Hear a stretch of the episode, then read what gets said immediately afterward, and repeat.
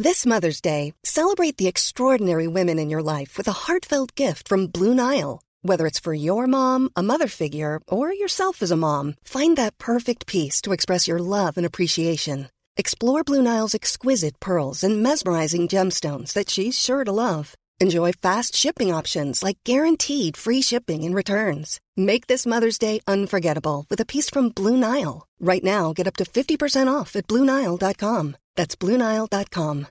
Here's a cool fact a crocodile can't stick out its tongue. Another cool fact you can get short term health insurance for a month or just under a year in some states.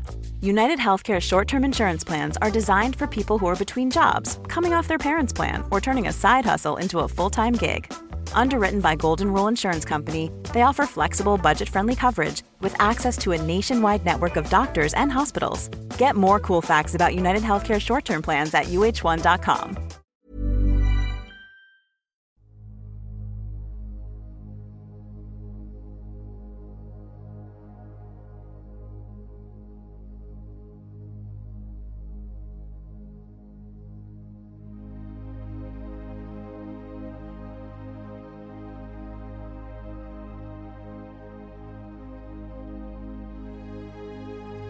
Ljus eller mörker gäller människor i den fysiska dimensionen och varelser i alla andra dimensioner.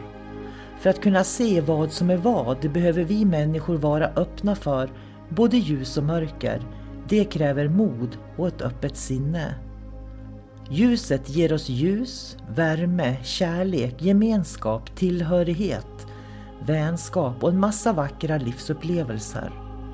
När vi talar om mörkret i podden så är det när vi människor upplever förvirring, kaos, hot, angrepp, manipulation, splittring som bidrar till att man känner sig ensam, isolerad och rädd. Att vara i sin egen kraft är att våga se verkligheten för vad den är och där göra medvetna val. Du kan bara kontrollera din värld, dina känslor, din livsupplevelse och det är att vara i sin egen kraft. Varmt välkommen till podden Kosmiska samtal.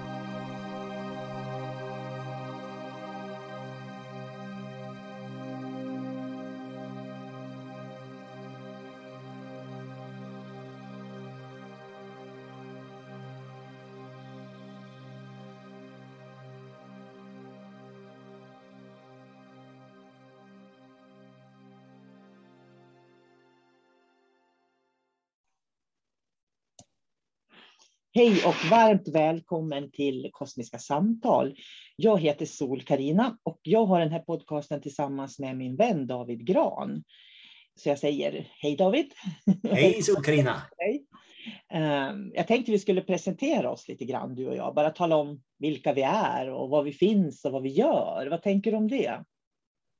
Ja, det kan väl vara bra. Det kanske är någon som vill veta lite mer eller kontakta oss och ha lite frågor. Så att eh, det är väl inte dumt. Ja, och då, det finns ju i podcasten så finns det ju länkar och det finns en e-postadress till dig. Sen är det faktiskt så att du finns ju på Kosmisk kunskap också, men du finns inte där än. Men du kommer att finnas på kosmiskkunskap.se, så där kan man också se mer om dig faktiskt. Eh, och jag ska ligga på David lite grann, eh, så han kommer upp med sin profil där tror jag faktiskt. Ja, Men, det, det är bra att du driver på med piskan. Ja, jag tror jag får göra det så att folk hittar dig eh, ännu bättre.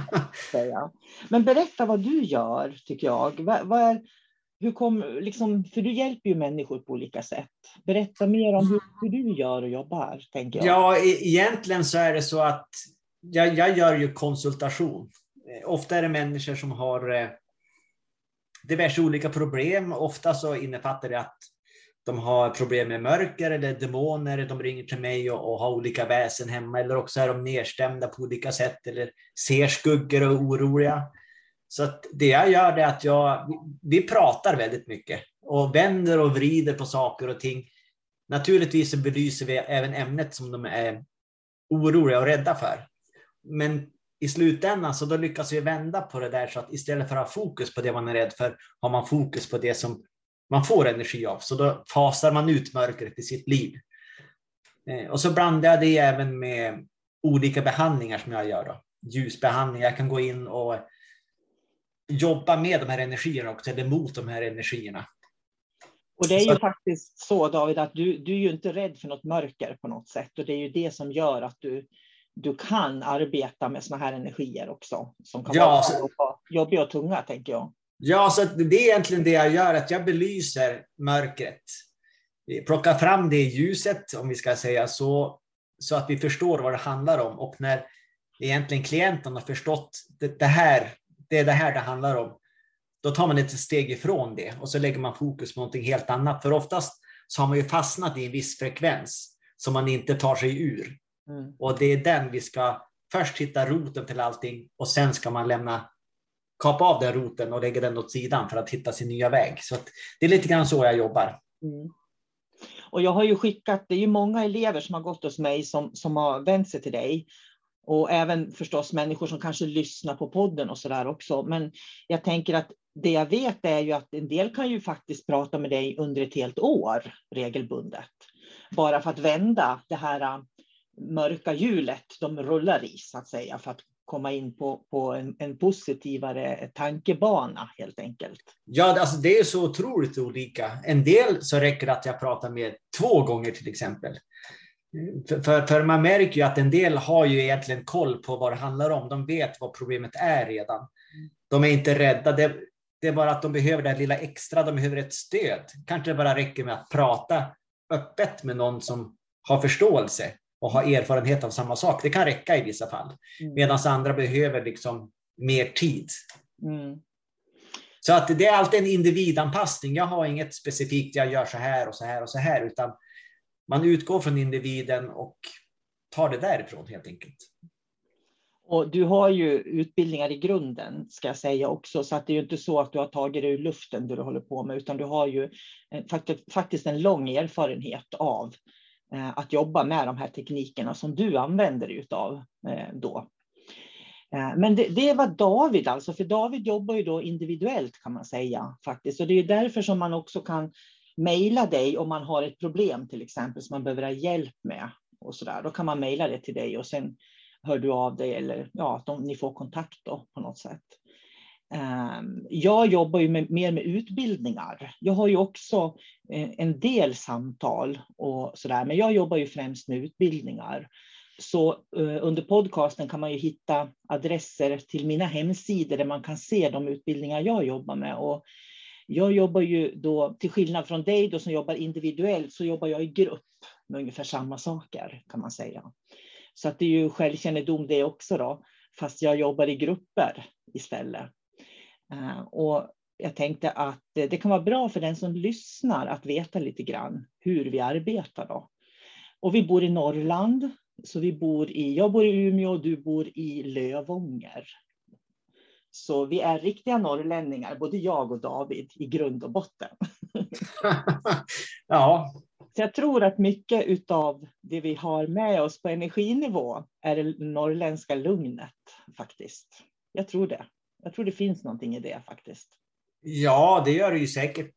Det har jag som sagt i andra poddar också, poddavsnitt, att, att min specialförmåga är att jag observerar saker och ting. Jag behöver inte skrika högst av alla eller eh, vara bäst på någonting, utan backa, backa, backa, titta, titta, observera. Och då ser man en helhet. Mm. Och då vet man också, vad är det som kommer i min väg? Vad vill jag ha i min väg? Hur ska mitt liv se ut? Så att man, jag kan sortera saker och ting.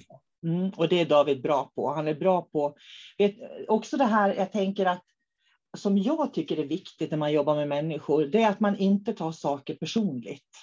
Utan att man, precis som du säger, man kan observera gruppen eller klienten och man vet att det här är jag, det här är dem. Man kan se det här som pågår på något vis. För det är ju där man kan hjälpa dem också, människor. Men eh, idag i det här avsnittet så tänkte vi så här, jag ska börja så här då. Finns det ett helvete? David, finns helvetet? Vad säger du om det? För att jag säger det, vi har ju fått ett mejl om en person som faktiskt har mycket ångest och rädslor för, ja, på grund av olika präglingar som den här personen har fått genom barndomen och livet och blivit skrämd för helvetet då. Så då är min fråga till dig, att finns det ett helvete? Eftersom alla människor har en egen verklighet. Så då säger jag, tror man på ett helvete så existerar helvetet. Det, det är liksom den, den, det enkla svaret jag kan ge här och nu. Och egentligen skulle vi kunna sluta podden där, så är vi klara. För jag håller fullständigt med dig, faktiskt. Eh, tror vi på ett helvete, då, då är det också det som vi, vi ser eller får eller räds, är rädda för på olika sätt. Eh, och då vet inte jag riktigt hur vi ska gå vidare i podden, om jag ska vara helt ärlig. ja, vi, vi, kan ju ta det uppenbara först. Mm. Vad är ett helvete? Jag, jag tror att de, de allra flesta har, har samma bild. Ja, men det är ju liksom eh, något ställe dit vi kommer efter, efter vi har dött. Om vi har gjort onda gärningar så då dras vi ner i ett ställe som är fyllt med eld. Det är eh, plågoandar där. Alltså, det, det, är en riktigt dålig plats. Och det, det är helvetet som, som många religioner också delar. Så det är, vad ett, det är vad ett helvete är. Och sen kan man ju tänka också, från mitt perspektiv kan jag tänka så här att om vi har blivit fostrade i att det är så ett, ett helvete ser ut. Om vi då har till exempel varelser runt omkring oss som vill manipulera oss och få oss i en, en låg frekvens, vi ska må dåligt, då går de in i din lilla hjärna och så plockar de ut det här eh, arkivet och så läste de igenom, aha, här står det att du är rädd för helvetet, så här ser det ut. Och då kommer de att ge dig precis den känslan, den bilden, de mardrömmarna och liksom spä på det så att du ska få en tung frekvens. Och där och då, om du är fast i den, det medvetande formen eller strukturen, då finns det ett helvete. Det är så äkta. Det känns precis som, som ett helvete ska göra. Jag tänker, ett helvete är ju på något vis att uppleva väldigt, väldigt svåra känslor. Ett, käns ett svårt känslokaos, eh, skulle jag vilja säga. Jag tänker på Ukraina och människorna där. Jag, när jag tittar på bilder från Ukraina så skulle jag ju det är ett helvete de lever i, Mariupol och i de här städerna, i Butja, där de har blivit bombade och så där. Där de gömmer sig i, i, under jord och allt möjligt. Det är ju verkligen att uppleva ett helvete. För du kan inte de kan ju inte undkomma det på något vis. Så att de är ju i det här hela tiden.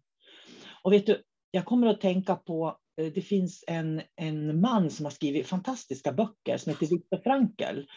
Han har tagit fram en metod som heter logoterapin. Och han satt nämligen i koncentrationsläger under andra världskriget. Och då var det ju så här att när kriget var slut så hade han ju överlevt koncentrationslägret då, men hans eh, fru överlevde inte. Men då, då var det liksom så här, hur kunde han överleva Auschwitz tror jag han satt i då också. Eh, och då, då var det ju frågan om att, Eh, hur han tänkte. Att han hade kontroll på känslor och tankar och det gjorde att han inte kunde uppleva det här helvetet som det var i ett koncentrationsläger. Så att det är ju inte samma sak som att tänka positiva tankar, utan verkligen att ha kontroll på tankar och känslor, skulle jag vilja säga. Det, det, det håller jag med om fullt ut. Du och jag pratar ju också om vikten av att kontrollera sina känslor i alla sammanhang. För annars dras man ju iväg på något sätt och man blir mer och mer orolig. Det är samma sak här. Mm. Och då hamnar man i en situation då jag inte kan, jag känner att jag har ingen kontroll. Jag kan inte styra och till slut så blir jag väldigt liten och sårbar och alla utanför har mer makt än mig.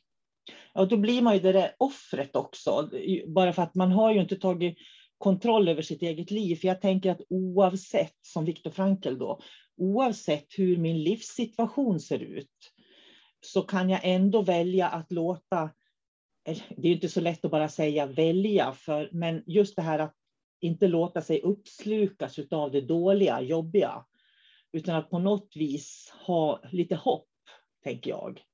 Och då, då, tänker jag så här att hopp blir ju motsatsen till helvete, det är ju himmel.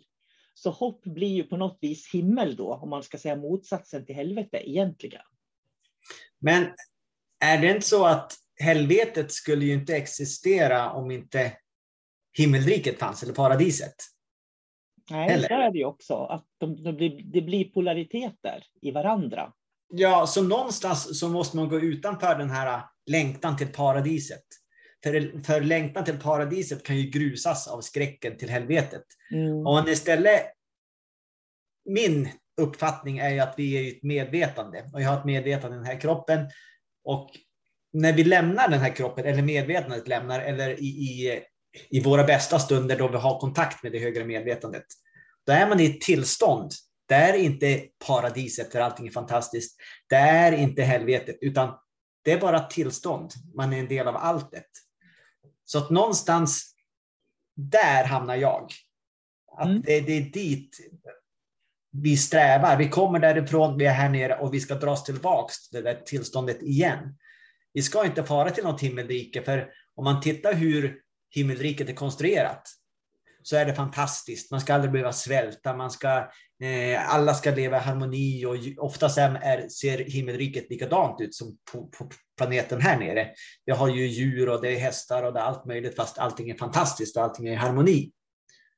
Men jag vill inte vara i tredje dimensionen när jag har lämnat min kropp, utan jag vill tillbaks till det stora medvetandet och det är bara ett enda tillstånd. Jag tänker många säger också så att himmelriket finns inom dig.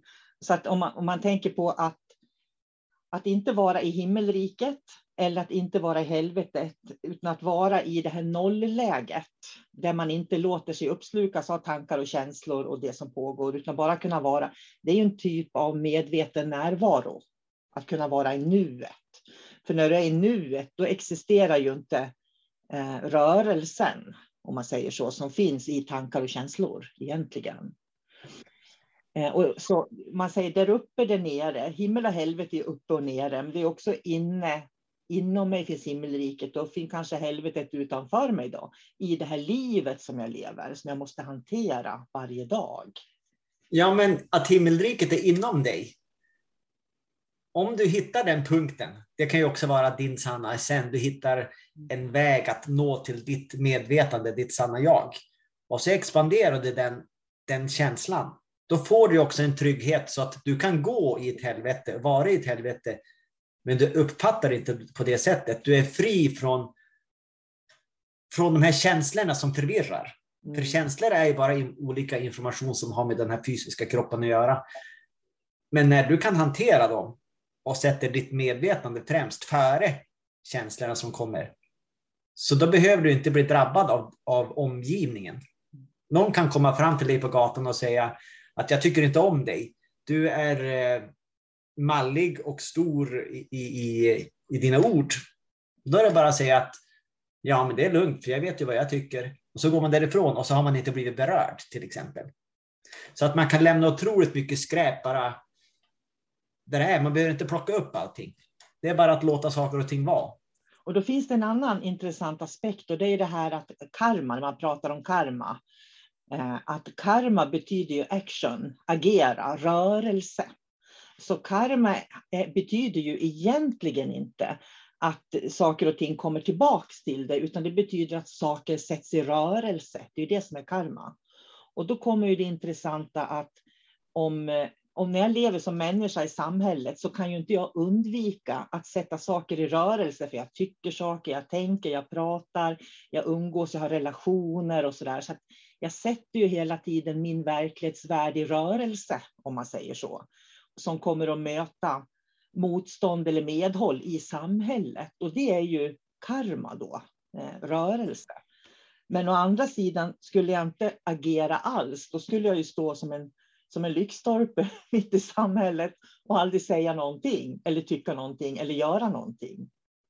Så det... Och det, är väl, det är väl helt okej, okay, men du måste ju alltid stå upp för dig själv och, och du måste veta vad du tycker om saker och ting. Sen behöver man inte gå ut och predika sin åsikt, men bara att man vet själv och tar ställning för sig själv. Vad tycker jag i den här frågan till exempel?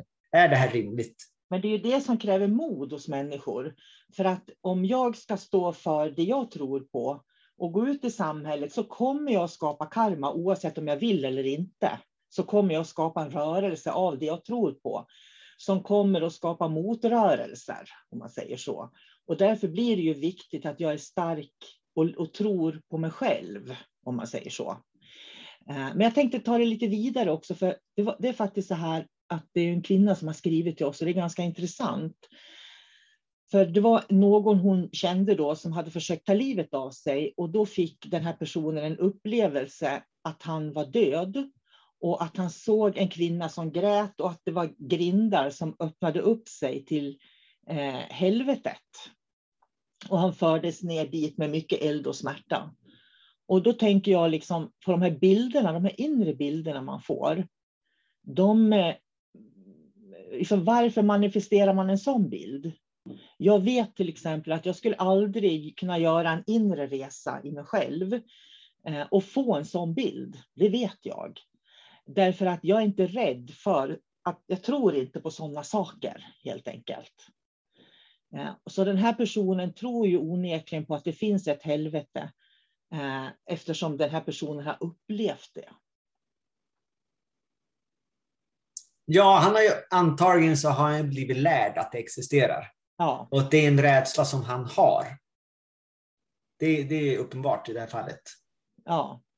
Eh, men, men i skriften där grindarna öppnades och han fördes ner där i helvetet. Mm. Eh, jag skulle ju kunna göra så här till exempel att om jag går dit nu i min tanke och min medvetande form, då skulle jag kunna öppna upp grindarna där Alltså, nu, nu kopplar jag bort mina känslor. Ja, man kan se det, men man, man, man går inte in och berörs av det. Precis, så jag kan öppna upp grindarna där nu och så kan jag gå ner i helvetet. Jag kan gå ner och observera eländet och plågan och allting som finns där. Men jag behöver inte bli berörd. Och så sen då, för jag vet att jag är ett medvetande. Eh, det här är inte min, min verklighet. Jag kan stå utanför de här känslorna. Och sen kan jag gå upp igen därifrån. För, det man kan göra det är att när man har låst upp sin medvetenhet, om man säger så, och inte tar ta saker och ting och personligt, man går inte in känslomässigt, då finns det ju liksom inga begränsningar. Då kan jag vara nere i helvetet, men vill jag inte vara där, då stiger jag upp ur det. Och så får jag till en annan dimension, så man kan hela tiden ändra sin perception också. Mm. Och det är det här jag tycker är så viktigt att, att, få fram här, att det är det det handlar om. Det handlar om och det är därför det blir så bra när du säger att du observerar eh, och att känslor och tankar är information. Att det är det man måste vara medveten om. För Eh, jag tänker att jag läser vidare liksom vad den här personen, för den här personen hade också en i sin närhet som hade tagit livet av sig och, och är jätterädd nu då för att eh, hennes släkting ska vara i helvetet. För det kan inte vara sant liksom, att det finns ett helvete. Och det jag tänker är så här att någonstans måste vi prata direkt till de människor som tror på ett helvete. Att det finns inget helvete. Ingen människa hamnar i helvetet när man dör. Jag tycker det är jätteviktigt att poängtera det. Därför att det handlar om vad jag är rädd händer efter döden. Det är ju det jag i så fall inbillar mig händer med mina anhöriga också. Ja, så att nu har du hittat kärnan här varför folk är rädda. Så att fokus då, det är att nu när jag vet min svaghet, vad vill jag lägga fokus på här i livet? Då kan ju du välja att lägga fokus på det som gör dig glad, det du får energi av. Du kanske har barnbarn hemma som är jätteunderbara. Ha fokus på dem. Då kommer helvetet att liksom eh, fasas ut. Mm. Så fort, för, för det blir ju så, för det där du lägger din eh, din kraft och din styrka på, det får du mer av. Så låt tankarna, dina tankar tas upp av sånt som ger dig styrka, som ger dig kraft. Eh, se till att vara i en miljö där du mår bra varje dag. För mår du, är du i en miljö där du mår dåligt, då kommer ju helvetestankarna tillbaks. Mm. Så att det är också ett sätt att ta personligt ansvar. Vad mår jag bra av? Och så gå till de situationerna där du mår bra. För det är det jag tycker är så synd att människor lider. Det finns så mycket lidande bara för att man inte tar kontroll över tankar och känslor. Och då menar inte jag att man ska vara en kontrollerande person, men man ska observera vad är, det för, vad är det för känslor och tankar som kommer. Skrämmer de mig? Gör de mig rädd eller gör de mig lycklig? Liksom, så att man är medveten om det. Och får man tankar där man känner liksom obehag, då måste man göra något åt det. Man kan inte bara låta dem fortsätta att äta av en på något vis. Nej, eftersom man redan har egentligen har identifierat eh, situationer där man mår dåligt, så då har man, det är egentligen det svåraste man kan göra, förstå att oj då, här, här har jag ett problem. När jag har förstått det, då går jag ifrån det problemet. För det, det, det är det man måste göra så att man slutar ha fokus och att hela tiden befinna sig i den här situationen där man bara göds av den här negativa, tunga känslan. Jag tänker på spiritualisterna överlag. När man pratar om medium så pratar de ju med andra sidan och det är ljus och kärlek och sådär. Och, jag tror att anledningen att det är så otroligt mycket eh, att man pratar med andra sidan, det är för att det finns ett behov av att fokusera på någonting positivt och ljust. Därför att det finns en rädsla för helvetet. Och, och, jag tror att det är där spiritualismen har vuxit fram och det är därför den är så stark idag. För jag, jag tror att det är många människor som inte har den här kontrollen.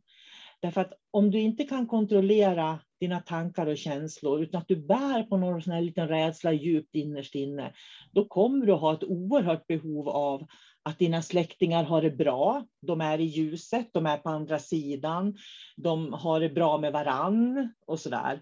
Och då har man ju liksom valt en lycklig eller en glad tanke som Peter Pan säger. Då har man valt en glad tanke.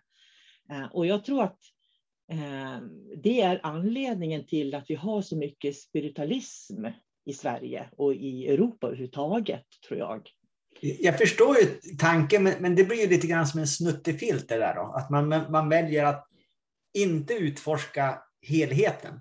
Jag väljer en liten tårtbit här där allting är lyckligt och perfekt och så lägga så mycket fokus på den tårtbiten att det endast blir min verklighet. Lite grann som Kalle Anka på julafton som egentligen bor på en soptipp, men de har den här solfjädern så att det är ett fantastiskt landskap de är i på bilden. Ja, och sen lite grann det här också att man förnekar att det finns. Eh, jag tänker, vi pratar ju ofta om, om det här med, med dimension, att vi lever i många, det finns många dimensioner. Och det finns varelser i många dimensioner också. Och många som är så fokuserade på snuttefilten himlen då, om man säger så, de eh, förnekar att det finns demoner, spöken och såna här varelser. De förnekar ju det. Det finns. Men det måste ju vara på grund av rädsla då att om de upptäcker att det finns mer runt omkring, då finns det en möjlighet att den här snuttefilten inte är sann. Mm. Så att på något sätt så, så, blir det en falsk trygghet det här också. Men samtidigt så finns det ju en, en, eh, någonting bra i det här också. Jag menar, det finns en utvecklingspotential. Att man börjar som bara, ja men det, andra sidan finns det bra, sen då, ja men, ja men det kanske finns spöken ändå, eller, och så nästa steg, ja men det kanske finns utomjordingar ändå. Så att det hela tiden så tar man steg för steg framåt. Det gäller bara att när man har hittat sin snuttefilt så ska man hålla i den lämpligt hårt. Man måste hela tiden utmana sin snuttefilt att duger den här snuttefilten idag eller finns det någonting mer? Hela tiden gå framåt och utvecklas. Och jag tror att det är så, som du säger, att det är en fas. Det är en fas man måste gå igenom. För i grund och botten så ska vi ju inte vara beroende av varken himmel eller helvete eller vad som pågår inne eller ute, utan vi ska ju bara vara i harmoni där vi är hela tiden. Så att jag tror att det är en fas eh, och jag tror att det är många människor som behöver den fasen. Därför att man behöver skapa den här grunden, att det finns en himmel innan man vågar utforska mer, så att säga, på något sätt. Men eh, vi har ju pratat ordet snuttefilt nu, men det är egentligen ordet trygg. Det är trygghet som, som vi egentligen vill ha. Ja. Människor vill vara trygga. Och hittar de inte sin trygghet själv, så då hittar de trygghet i ett, eh, ett sätt att tro på. För det är många som eh, många religioner till exempel som har en färdig mall att ja, men, eh, läs den här boken, då, det, det, är din väg till räddning, så här är det. Och sen väljer människor, ja men den här livsåskådningen passar mig. Eller, Eh, men gör den inte det, så då väljer man spiritualisterna till exempel, för det passar mig, för där finns det också liksom skrivna lagar, vad man ska tro på, vad man ska tycka, vad man ska tänka, vad man ska säga. För det, de, är, de är inte öppna för att, för att se någonting större, men det, det kommer att bli så att när man börjar gå den här vägen att till slut så utvecklas man ju och då börjar man ju se mer om det är det man vill. Mm. Jag tror ju att snuttefilt är ett bra ord därför att eh, en del använder pendlar, en del använder kristaller, en del använder kort. Så att jag menar, man använder ju mycket, eh, man har mycket sådana fetischer på något vis. Man ger kraft åt föremål utanför en själv på något sätt. Mm. Man håller i då. Så att kristallen eller korten eller pendeln blir den där snuttefiltern. Och det är precis tror jag som du säger, att det man i grund och botten söker eller övar på att vara i, det är ju en trygghet som man söker. Man vill känna sig trygg och stark och närvarande och sådär. Och då, det har vi sagt förut i andra poddar också, men jag har ju också testat lite olika redskap i början av min karriär. Men jag använder i regel ingenting sånt längre. För jag vill säga det att alla människor har sin inneboende kraft just i sig själva. Så att egentligen behöver man inte ha det här yttre. Det är, det är bra i början, det fungerar som stödhjul ungefär. Mm. Men behöver man stödhjul eller snuttefiltar eller kristaller så är det okej. Okay. Det är okej, okay. men en vacker dag om du känner att du inte behöver din kortlek längre, då behöver du inte din kortlek, för det är du som ska styra ditt liv. Och du ska ha kontroll över känslorna och du ska ha kontroll över ja, men dig helt enkelt. Mm. Och vill du ha en kortlek, använd kortleken. Känner du att nej, jag vill inte ha kortleken, då tar du ingen kortlek. Jag har en jättebra övning här också som jag tror jag har sagt. Och då ska jag hade... avsluta med den faktiskt. Så att ja, det sista nu då. Jag hade en kompis som eh, kom på besök och så sa hon att eh, jag hade ju tänkt leka kort, då, änglakort, men jag har glömt kortleken hemma, sa hon. Tusan. Och då sa jag det att, men eh, jag har en kortlek här, sa jag. Den ligger på bordet. Ja, men jag ser den inte, sa hon. Nej, men föreställ dig att det ligger en kortlek där. Tänk riktigt noga. Så här, ja, men, ja, men jag kan nog se den där. Eh, det fanns ju ingen kortlek förstås, det var ju bara i fantasin. Och så sa jag, ställ nu en fråga, sa jag. Eh, och då ska jag blanda den här kortleken. Och sen får du dra de här fantasikorten. Och det fungerade lika bra som en riktig kortlek för henne. Hon ställde svar och hon fick frågor när hon drog sina kort. Och det där har du berättat i någon annan podd faktiskt, kommer jag ihåg, för jag har hört det där förut. Eh, och det ska vi skicka med. Vi ska avsluta den här podden nu och så ska vi ut, utmana de som lyssnar att prova lägga kort utan kort, om de brukar använda kort för att lägga kort. Ja, eller prova pendel utan pendel. Ja, precis. Eller trollbord utan trollbord. Ja, jättebra. Tack för ett eh, intensivt spännande samtal igen, David. Ja, men tack själv, Sol-Carina. Och du som lyssnar, du får jättegärna dela den här podden. Om du tycker om podden som jag och David har, dela den jättegärna så fler hittar till den. Och har du frågor som du tycker vi ska ta upp eller saker vi ska prata om så är du så välkommen att höra av dig till oss. Så vi, jag och David säger hej då. Hej då och på återseende. Yes. Even when we're on a budget we still deserve nice things. Quince is a place to scoop up stunning high-end goods for 50 to 80% less than similar brands. They have buttery soft cashmere sweaters starting at $50, luxurious Italian leather bags, and so much more. Plus, Quince only works with factories that use safe, ethical, and responsible manufacturing. Get the high-end goods you'll love without the high price tag with Quince. Go to quince.com/style for free shipping and 365-day returns. Mom deserves the best, and there's no better place to shop for Mother's Day than Whole Foods Market. They're your destination for unbeatable savings, from premium gifts to show-stopping flowers and irresistible desserts. Start by saving 33% with Prime on all body care and candles. Then get a 15-stem bunch of tulips for just $9.99 each with Prime. Round out Mom's menu with festive rosé, irresistible berry chantilly cake, and more special treats. Come celebrate Mother's Day at Whole Foods Market.